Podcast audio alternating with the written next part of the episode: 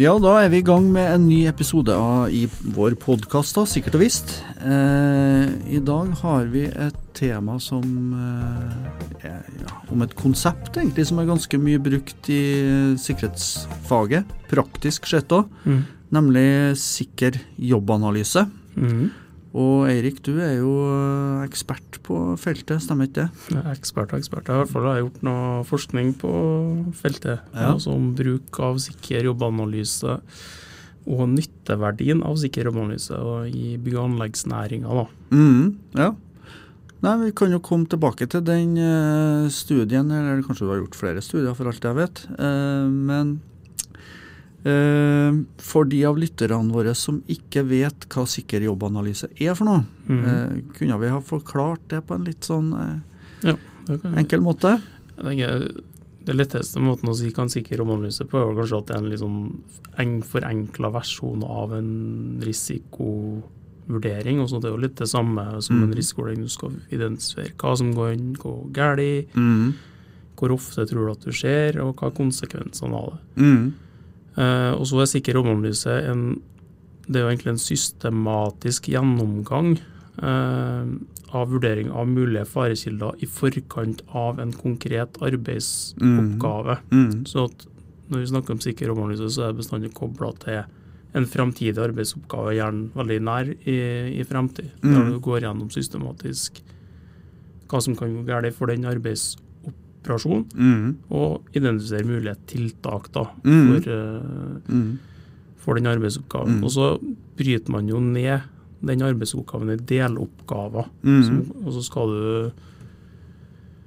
uh, sette opp et stillas, så mm. bryter du ned liksom i alle de arbeidsoperasjonene som må på plass for å sette opp det stillaset fra, fra, fra transport til ja. du er ferdigstilt, egentlig. Fra A til Å. Helt, helt til du tar det ned, kanskje? Eh. Ja, Da tenker jeg det blir ny, det blir ny, ny igjen, da. Mm, det, og men, så er det jo et men her òg. Og det at en sikker romanalyse det er ikke noe du utfører for alle arbeidsoperasjoner. Mm. For da blir du sittende og gjøre det hele tida. Mm. Uh, men hvis man ser på det her i, et, i en helhet for, av alt av risikostyring du gjør mm. uh, i en organisasjon, så ønsker du egentlig at det aller meste av risiko blir håndtert så tidlig som mulig før selve arbeidet skal utføres. sånn at en sikker jobbanalyse skal du egentlig gjøre for den restrisikoen du ikke klarer å håndtere gjennom andre tiltak. da. Mm. Så du kan si at som en liksom tommelfingerregel at sikker jobbanalyse utfører du eh, dersom det finnes eller kan oppstå nye farer som ikke er tilstrekkelig kontrollert gjennom mm. eksisterende barriere, arbeidsprosedyrer eller eh, planer. Mm. Men så kan det likevel være situasjoner der det, der det finnes prosedyrer eller barrierer der man bør vurdere om man skal gjøre en sikker omordnelse. Det kan være f.eks. hvis det er nye folk som skal jobbe sammen. Mm. Også det er noe nytt som innføres. Mm. Nytt utstyr. Det kan være at det er situasjoner der det, du vet at det ofte har skjedd ulykker. Mm. Sånn at du bør kanskje da vurdere en sikker rammeanalyse. Mm. Eh, det kan òg være at det er endringer og forutsetninger for den aktiviteten du har planlagt. F.eks. at uh, som er aktuelt i disse dager, da, at det plutselig blir kaldt og, og glatt. Mm. Vi hadde jo nesten-ulykke her på i det studio der jeg holdt på å ramle ja, ja, på Stemmer, stemmer, mm. stemmer. Uh, det kan være at endring i tid til rådighet, endring i fremdrift osv. Så videre. sånn at uh, det kan være situasjoner der du skal gjøre en sikker rammelse, sjøl om det er i, i, utgangspunktet er ivaretatt gjennom mm. eksisterende barrierer, planer eller prosedyrer. Mm. Altså her, det her er en sånn eksempel på en kvalitativ type risikovurdering. da. Ja, eh, definitivt. At du, du har en, eh, et arbeidslag eller ei gruppe som skal gjøre et eller annet konkret sammen, mm. og så går man gjennom eh, jobben, ja, egentlig. da. Ja, og det er jo et viktig poeng her at det er jo dem som skal utføre jobben, som òg skal gjøre analysen. Ja. Så du får et eierskap til det du skal gjøre. Så ja. vi skal komme litt tilbake til det ute i episoden her. men det er jo en gevinst her i seg sjøl. Det at det er mm. dem som skal utføre arbeidet, som òg vurderer risikoen på det arbeidet som skal utføres. Mm. Og da eksisterer sikkert en del skjematikk rundt det her, da. Ja, det, så, ja. Hver bedrift har sitt eget skjema, er det sånn, eller finnes det noen standardiserte måter å gjøre det på? Det finnes standardiserte måter å gjøre det på, men det er nok sånn i praksis så har nok vært eh, hver organisasjon sitt eget eh, skjema, som sikkert ser ganske likt ut, da, mm. i, men at det er noen nyanser. Mm. Eh, det finnes standardiserte skjemaer som norsk eh, olje og gass f.eks. har en mm. egen retningslinje i sikker romanalyse som, som ja. kan, kan, jo sies å være den beste praksis i hvert fall da, på feltet. Så kan jeg jo nevne at uh, i et annet prosjekt jeg jobba på som heter SIBA, uh, sikkerhet i bygg- og anleggsnæringa, der hadde vi jo et prosjekt for noen år siden der vi prøvde å utvikle en, et standardisert skjema til bruk i bygg- og anleggsnæringa. En interessant poeng der da, som vi har gjort, er å prøve å forenkle den skjematikken så mye som mulig. Mm. Og legge ut lenke til det, det skjemaet i, i, beskrivelsen til episoden. Mm. Der vi går bort ifra her med å tenke uh, sannsynlighet, eller frekvens og konsekvens, sånn at man bare har en trafikklysmodell, om det er mm. tommel opp, grønt eller gult, vi må vurdere tiltak, eller rødt. Ja. Her, her, må vi sette inn tiltak. Ja. Så mm. det, det kan gjøres komplisert, men det kan òg gjøres enklest. og Det er kanskje en fordel at det gjør det så enkelt som mulig for å nettopp få den gruppeprosessen som vi mm. nettopp snakka om. Mm. Nei, men så har jo du òg gjort en del forskning på, på temaet sikker jobbanalyse. Du har jo bl.a. en uh, artikkel i Safety Science. Ja. Uh, hva var temaet for den artikkelen? Ja, Den artikkelen uh, handler jo da om anvendelse og nytteverdi av uh, sikker romanalyse. Og så må jeg understreke at det er jo ikke bare jeg som har gjort den eh, forskninga som er publisert der, for den er jo basert på en masteroppgave fra 2016 som ble utført av Ingvild Solberg og Eva Svensli, mm. som jeg var veileder på. da. Så mm. de gjorde en uh, intervjustudie. Intervjua 23 eller gjorde 23 intervjuer på totalt seks byggeprosjekter. I tillegg til at de observerte en del utførelse av sikker romanalyse. Mm. Uh, så i tillegg i den uh, artikkelen vi snakket om her, da, så er det også gjort av meg en uh, dokumentanalyse av 97 sikker utførte sikker romanalyser, som da ble koda og kategorisert litt forskjellige kategorier. Mm. Type aktivitet, type tiltak. Ja. Er det noe spesifikt som er kobla til det her, osv. Mm. Um, så det er grunnlaget for den uh, forskningsartikkelen. Så det kan jo ta litt om bruken av sikker romanalyse som, uh, som, vi kartla. da. Ja. Uh, så spurte jeg om det finnes en sånn beste praksis mm. på feltet. og da, mm. så Jeg nevnte bl.a. med Norsk olje og gass, da, som har en, uh, har en, beskrivelse, men det finnes jo en del lærebøker som beskriver hvordan man skal gjøre det her. Og mm. to uh, viktige unntak da, i det vi kartla i våre studier opp imot den beste praksis. Det ene er at man ser at veldig ofte så brytes ikke den i aktiviteten i, i delaktiviteter, mm. som jeg nevnte med det stillaset. Mm.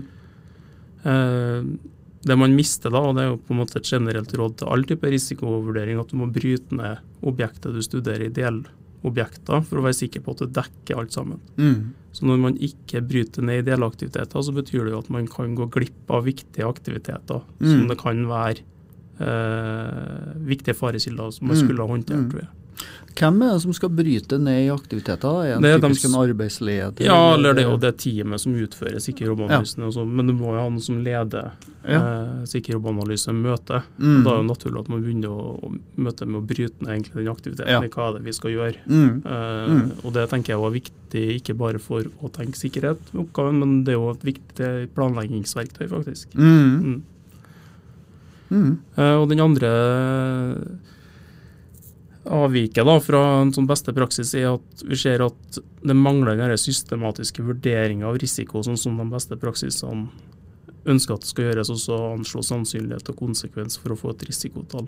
Mm. Det er kanskje ikke nødvendig, som mm. jeg nevnte her i sted, med det forenkla verktøyet vi utvikla i, i SIVA-prosjektet. Mm. mm. Ellers så, så vi jo i den kartlegginga fra intervjuene til de to masterstudentene at det, det, legges veldig tydelig opp til gruppediskusjoner.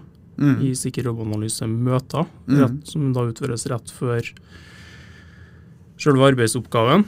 Eh, det var ett unntak i den intervjustudien. Jeg sa at de hadde vært på seks prosjekter. Det ene prosjektet juksa litt. sånn at det var var funksjonærer som hadde fulgt ut sikker romanalyseskjema i forkant av møtet, og så ble det på en måte verifisert av ah. arbeiderne, og så ble det signert da, til ja. slutt av uh, alle sammen. Så der var litt juks, da. Ja, en måte for å effektivisere møtet, da? Ja. Eh, eller, ja. Men samtidig så viktig funn for intervjustudien er jo at man ser det at den som leder den sikre romanalyseprosessen, mm. er viktig både for kvalitet på den utførte sikkerhetsanalysen, men òg oppfølginga av eh, resultatene av sikkerhetsanalysen. For det, det, skal jo føre til tiltak sånn at du får bedre kontroll på, mm. på mm. farekilder. Mm. Ja. Yes. Nei, men Det er interessant det med tallfesting. For jeg tenker det er jo det er jo sånn, jeg tenker sånn Generelt i risikovurderinga så skal man jo finne ut hva er det vi skal gjøre, eh, hva er det som kan gå galt, hva kan vi gjøre for å forhindre at det som kan gå galt, faktisk går galt. Mm. Eh, så i mitt hode så har sikker jobbanalyse vært et sånt veldig sånn enkelt verktøy der du på en mm. måte slipper egentlig å sette tall på ting. Mm. Eh, men jeg tenker sånn trafikklysmodell er jo det er jo selvfølgelig mye lettere. Ja, det er jo lettere å tenke du oppfølger hensikten med sikker jobbanalyse, at du skal identifisere hva, hvor er vi nødt til å sette inn tiltak for å få kontroll på den risikoen vi, vi står ovenfor. Mm. Og jeg tror sånn som intervjuene viser viktigheten av at det skal være gruppeprosess. Jo mm. enklere verktøy er, jo bedre tror jeg det vil være med å fasilitere at man får en god eh, prosess. da. Mm. Ja, en, eh, Når blir sikker jobbanalyser brukt, da, sånn typisk? Fant dere noe på det? det? Det gjorde jo absolutt. og Et sitat her egentlig fra intervjuet, tror jeg jeg kan begynne med det, faktisk. Som sa at uh, de fagarbeider da, på denne prosjektet som sa at uh, når de, vi føler at vi har utført det planlagte arbeidet mange ganger før, og det ikke er noe nytt ved aktiviteten som skal utføres, da ser ikke jeg noen grunn til at det skal gjennomføres en sikker romanalyse. Mm. Og analysen av dokumentene viser jo nettopp det at det veldig ofte blir gjort uh, sikkerhetsanalyser på det vi kan kalle for gjentagende kjente aktiviteter, altså mm. som repeterer seg igjen og igjen på det, forskjellige prosjekter. Mm. Elementmontasje og stillasbygging f.eks. En standard arbeidsoperasjon som man ja. gjør på mange prosjekter. og De fleste av de gjentagende kjente aktivitetene her, med den risikoen det innebærer, egentlig dekka gjennom forskriftskrav. Ja. F.eks. Eh, stillas er ganske detaljert på mm. forskriftskrav på hvordan det skal utføres på rett måte. Mm. Eh, så at vi fant vel ut at omtrent halvparten av de eh, sikkerhetsanalysedokumentene mm. er det som kan kalles gjentagende kjente aktiviteter. Ja. Også I tillegg så er det nesten andre halvparten er òg det vi kan kalle for gjentagende kjent, men at det er de spesielle forholdene som har initiert det. da, At det er en aktivitet der man er kjent med at det ofte er ulykker, eller at det er endring av forutsetninger, som er nevnt her i sted, med ja. vær og vind og tilgjengelig tid. Ja. Mens bare 15% er det vi kan kalle for prosjektspesifikke aktiviteter. Ja. Som da er at det er spesielle forhold mm. ved prosjektet. Mm. Som er særegent. altså Det er ikke en, en, aktivitet eller en risikoforhold eller for så vidt som går igjen og igjen i forskjellige mm. eh, prosjekter, og kanskje heller ikke til og med dekka gjennom eksisterende forskriftskrav. Mm. Det kan f.eks. være at det er graving i nærheten av elektriske kabler, eller at det er nærhet en tredjepart barnehage som melder rett i nærheten av, uh, av byggeplassen. Mm graving i veldig bratt skråning, eller kraner i konflikt med hverandre. kan det være. Så, ja. Da blir det mer sånn prosjektspesifikke forhold. Så, ja. så tallmaterialet vårt gjenspeiler sitatet til han fagarbeideren her, at det skjer liksom ikke noe hensikt i å vurdere det han gjør, nesten gjør hver dag likevel. Ja.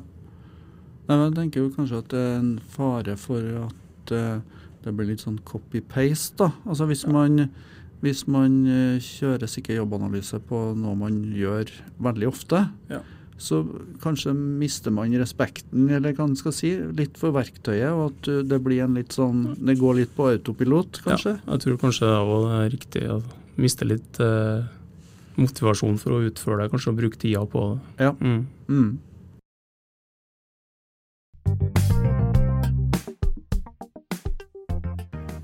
Hvilke tiltak er det som liksom kan komme ut av en uh, sikker jobbanalyse? Sånn, uh ja, Det er jo et interessant uh, spørsmål. for I den dokumentanalysen av sikker jobbanalysen så gjorde vi jo en kategorisering av tiltakene. Mm. og for det første det er jo veldig mange tiltak. som sagt 97 sikre jobbanalyser som ble analysert, og sånn snitt fire tiltak per sikre overanalyse. Mm.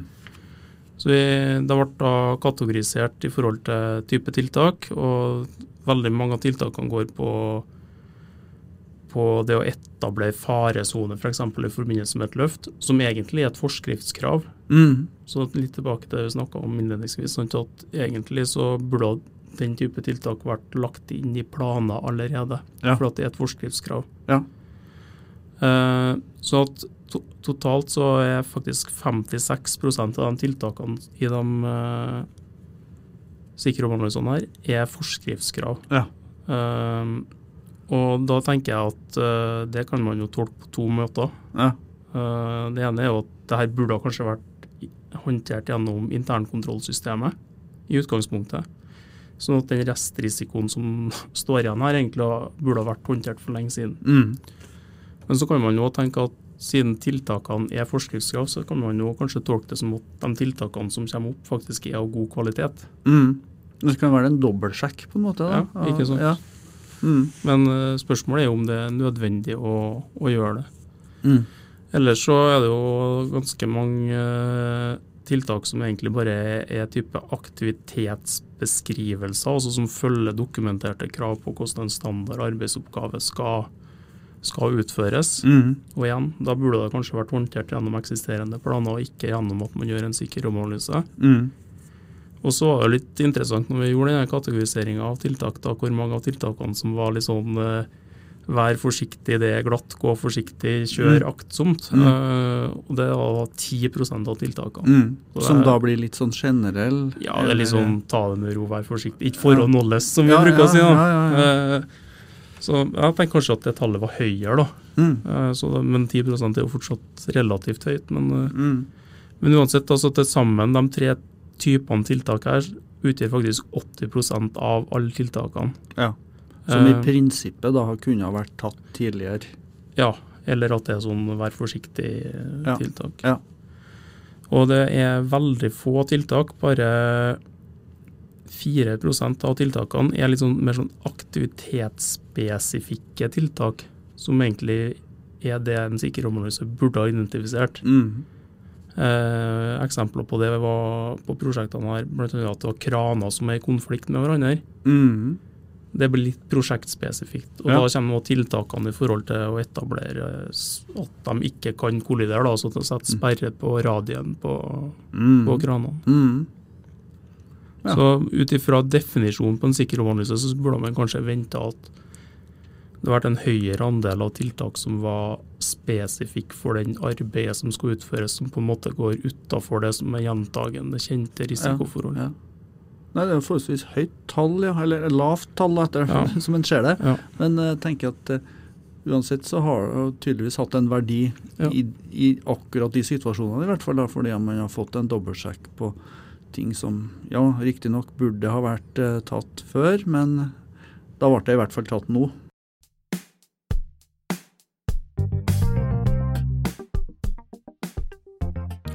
Men selvfølgelig så er jo sikker jobbanalyse nyttig. Ja. Så hvis du skulle liksom ha sett litt på, ja. på nytteverdien, da ja. eh, Det er jo en grunn til at vi gjør det her. Det er selvfølgelig. absolutt. Ja. Uh, vi analyserte jo um, resultatene i studiene våre og identifiserte seks nytteverdier. Vi, da. Mm -hmm. Men de er nok litt overlappende. Mm. Og så er de interessante for at noen av dem går veldig direkte på, på å være en sikkerhetsgevinst. da. Mm -hmm. Mens mange av dem gir òg en tydelig gevinst mer på planlegging og effektivt arbeid. Så det En av nytteverdiene som sier seg litt sjøl, kanskje, er jo at det her eh, bidrar til at man identifiserer farekilder. Mm. Så at man får kunnskap om, eh, mm. om farekilder ved fremtidige arbeidsoppgaver, sånn at man da får beslutningsstøtte for å, for å håndtere det. Mm. Men samtidig så gir det en, eh, situasjonsbestemt risikofattelse, altså at man får en mm. felles situasjonsforståelse i den mm. gruppa som skal gjøre jobben. Ja. Som skal gjøre jobben. Og så gir det jo en en god situasjonsforståelse. Jeg tror det er Enslia som snakker om tre nivåer mm. av situasjonsforståelse. Der nivå én er det å bare oppfatte omgivelsene du er i. Mm. Nivå to er forståelse av nåtid, altså hva som foregår nå. Mm. Mens nivå tre er det også evne å forutse fremtidige handlinger. Mm. Og det gjør jo en sikker jobbanalyse, for du skal jo se hva som kan skje i, ja. i fremtida. Så, ja. så det gir antageligvis en god kvaliteter på situasjonsforståelse. Mm. I tillegg til at det er ikke bare individuell situasjonsforståelse, det blir en delt situasjonsforståelse ja. i, i, gruppa. Så ja. man får en god situasjonsforståelse og god kunnskap om farekilden. Alle får, får, en forståelse av helheten. Og, ja, riktig. Mm. Og så punkt to, da, eller andre nytteverdi, er jo at det bidrar til tapsforebygging. Som sagt, det gir jo mm. beslutningsstøtte til, til, å håndtere den restrisikoen. Mm. Uh, spesielt da med de her forholdene som blir litt utenom det vanlige. Mm. Samtidig som at det er innbydd til å håndtere alle typer endringer av forutsetninger som man kan oppdage uh, underveis. Så, sånn sett kan man snakke om at det er tapsforebygging i et dynamisk system, så man klarer å håndtere ja. de endringene som skjer i systemet. Tredje nytteverdien går på det som vi kan kalle for formalisering av arbeid. Mm -hmm. Altså som egentlig at vi får beskrevet det arbeidet som skal, skal utføres. Mm. Uh, sånn at alle vet hva man skal gjøre, da, og det er på en måte dokumentert. Kan kanskje si at det blir bedre, bedre planlagt. Mm. Så det er en slags metodebeskrivelse, egentlig. da. Mm. Ja. Og det, ja, det vet nå du òg. Det er jo mye brukt standardisering av arbeid, og mye brukt koordineringsmekanisme sånn generelt i ja. organisasjoner. Ja. Nei, for du har jo jeg tenker hvis, man, hvis du er en sånn høyrisikoindustri som petroleum f.eks., og skal gjøre et stykke arbeid som et arbeidslag, så får du jo gjerne skrevet ut en pakke med prosedyrer og, og, og, krav og hva du skal forholde deg til. da. Mm. Uh, og, og, det er vel forutsatt at man skal på en måte sette, sette seg inn i underveis. Uh, og det kan jo kanskje være en del en input, det òg, mm. til den sikre jobbanalysen. da. Absolutt. Som handler litt om formalisering å gjøre. Ellers så vet man jo det at den byråkratiseringa og sikkerheten, at alt skal rapporteres, har jo både fordeler og ulemper. En fordel mm. sant, med det med kontroll og redusert vedtidighet Mm. Alle vet hva de skal gjøre, klarere ansvarsområder. Mm. Men samtidig så kan det jo være ulemper med at man byråkratiserer. Sånn, At man mm. får mindre uh, slakk, mindre uh, ja. mulighet til å være fleksibel for ja. situasjoner som, uh, som, kan oppstå. Ja. Så, ja. Mm. Men for jeg tenker Kvaliteten på en sikker jobbanalyse handler jo òg veldig mye om deltakerne. Mm. Altså at man faktisk klarer, er i stand til å, se for seg hva som faktisk kan skje. Ja. Så man må jo være litt sånn skjerpa, tenker jeg, når man skal gjøre en uh, sikker jobbanalyse. Mm. Absolutt. Uh, og det er jo en av de Den fjerde har da blitt. Uh, nytteverdien. Det her med arbeidstakermedvirkning, så du involverer arbeidstakerne. Mm. Uh, og det vet man jo gir bedre sikkerhet, og så skaper et eierskap til, til sikkerhetsløsninger, sikkerhetsarbeid. Mm. Eh, og får da mulighet til å påvirke sin egen eh, arbeidshverdag gjennom, gjennom der. Og så vet man jo at det, Vi har snakka om det her tidligere med taus kunnskap. Mm. og det er klart at alle som deltar i det SHA-møtet, kommer jo til bordet med sin tause kunnskap. Mm. Og de har kanskje vel så god forståelse for risikobildet man skal stå overfor dem som en uh, eh, HMS-rådgiver som sitter litt mer på avstand. Ja. Så det, ja. det, er jo nyttig, og det er òg det femte nytteverdien her. da, Det bidrar til organisatorisk mm. læring gjennom mm. at man får den tause kunnskapen fra arbeidsmedvirkninger i kombinasjon med mm. eksplisitt uh, kunnskap. Mm. Den sjette nytteverdien av den siste det handler om ansvarlighet og transparens. og Den er litt todelt, egentlig. at Det ene er, som intervjuene var veldig tydelige på da blant fagarbeiderne, at uh, når man signerer på at man har deltatt på den sikkerhetsanalysen, så gir det mer uh, forpliktelse mm. til å faktisk følge det man har blitt uh, enige om. Mm. Og så er det andre punktet går mer på litt annen type ansvarlighet, men dersom det skjer en ulykke, at man faktisk har papirene i orden. Da. Mm. Så en del mm. eh, funksjonærer som var spesielt opptatt av at, at det er en viktig nytteverdi ved sikkerhetsmålelse hvis, hvis, mm. noe skjer. Mm.